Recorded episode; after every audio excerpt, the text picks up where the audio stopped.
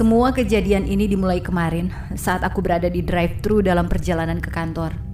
Kopiku sudah dibayarkan.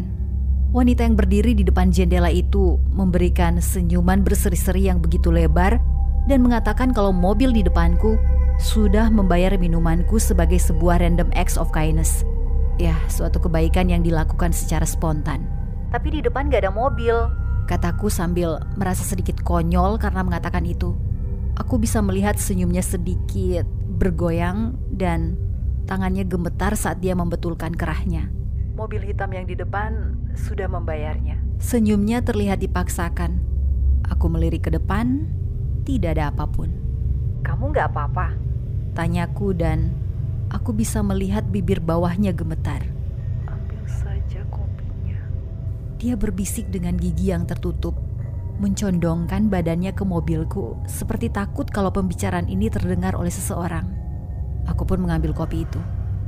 Seperti biasa, perjalanan ke kantor cukup macet. Aku jadi teringat dengan wanita di drive-thru tadi. Aku tahu kalau tahun ini adalah tahun yang menyulitkan semua orang, tapi dia terlihat ketakutan, seperti seekor kelinci yang akan diterkam singa.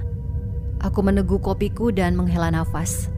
Selama beberapa bulan terakhir, bosku memberikan cukup banyak tekanan.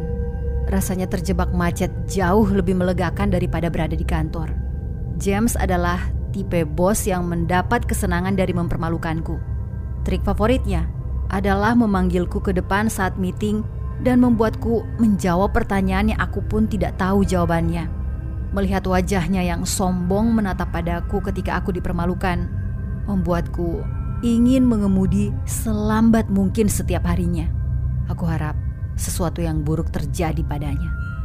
Dan di situ, aku melihat mobil itu untuk pertama kalinya. Sebuah mobil sedan hitam tepat di belakangku. Aneh. Aku yakin kalau beberapa detik yang lalu itu adalah mobil convertible berwarna merah. Aku memutar leherku ke arah spion belakang untuk melihat si pengemudi. Dan melihat sosok pria yang mengenakan jas hitam. Dia tersenyum. Sebuah senyuman yang begitu lebar. Astaga, ponselku berdering. Itu mengagetkanku. Halo? Lara. Telepon itu dari Gina, sekretaris bosku. Suaranya terdengar tergesa-gesa dan sayu seperti seseorang yang terkena flu. Kamu kenapa, Gin? Lagi sakit? Tidak. Bisiknya. Menemukannya satu jam yang lalu, Lara. Ya, dia meninggal. Ya Tuhan. Hah? Kok bisa? Aku mendengar Gina tidak bisa lagi menahan tangisnya. Aku kata polisi aku tidak bo aku tidak boleh. Aku harus memintamu untuk tidak pergi kerja hari ini. Kata-katanya terdengar gagap dan aku langsung mengatakan kalau itu tidak masalah. Aku pun berputar dan pulang. Aku melihat pria di mobil hitam itu saat memutar mobilku. Ah, mungkin hanya imajinasiku saja, tapi aku rasa senyumnya tampak semakin lebar. Pagi ini aku menemukan sebuah paket di depan pintu rumahku. Sebuah kotak kecil dibungkus dengan rapi menggunakan kertas dengan warna kesukaanku. Sebuah mobil hitam memutari tempat parkir saat aku mengambil paket itu. Aku membawanya ke dalam dan mengunci pintu rumahku. Ketika aku membuka paket tersebut, baunya langsung menusuk hidungku. Itu seperti bau bangkai. Aku harus menutup hidungku saat membuka penutup kotak itu. Isinya, isinya adalah sebuah kepala. Kepala James dengan pita emas dan sebuah catatan yang diletakkan di atasnya. Aku berlari ke kamar mandi dan langsung muntah di toilet. Ini, ini tidak mungkin. Kemudian, aku mengambil ponselku dan menelpon polisi. Halo? Lalu aku menjawab dan menjelaskan semua hal yang terjadi sambil terengah-engah. Paket, mobil, catatan di atas kepala. Baca catatan itu. Bisik petugas itu. Hah? Kumohon, lakukan saja. Dia tahu kalau kamu belum membacanya. Kemudian, teleponnya terputus. Setelah tiga jam dan setengah botol whisky, aku pun melakukannya. Aku bisa mendengar suara mobil yang berjalan mengitari perumahanku. Rasanya aku mulai gila. Catatan itu dimulai dengan, Halo Lara, hari ini seorang pria akan memintamu untuk melempar koin untuknya. Tapi apa pun hasil yang keluar, kamu harus mengatakan kalau yang keluar adalah bagian ekor. Aku kembali meminum whisky itu sampai aku tak sadarkan diri.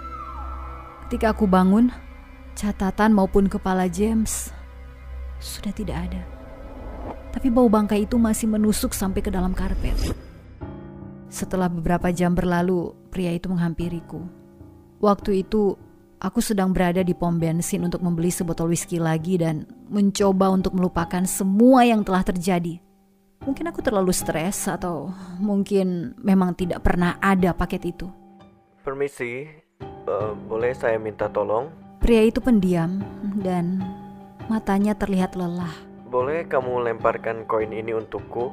Aku bisa merasakan dadaku terasa sesak. Mencoba untuk menyembunyikan ekspresi ngeri dari wajahku. Ya, boleh. Suaraku bergetar. Aku mengambil sebuah koin, melemparnya ke udara, lalu aku mengintip hasilnya. Kepala. Ekor. Jawabku. Ekspresi pria itu langsung memuram. Sudah kuduga. Katanya. Kemudian, dia memberikan senyum yang dipaksakan. Dia lalu keluar tanpa membeli apa pun.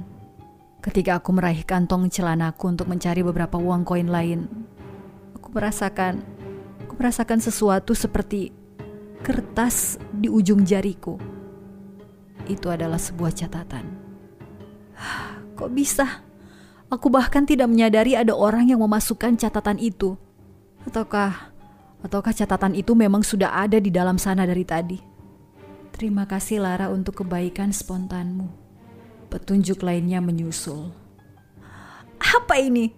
Prank atau semacamnya? Apakah pria yang memintaku untuk melempar koin juga terlibat? Ku sempat yakin kalau ini hanyalah sebuah prank yang buruk. Lalu, lalu aku melihat pria tadi di dalam mobilnya. Ada sesuatu yang berkilauan di tangannya, memantulkan cahaya. Ku menyipitkan mataku, mencoba untuk melihat benda itu. Dia mengarahkannya ke atas, menempelkannya di dagu. Kemudian, aku mendengar suara tembakan.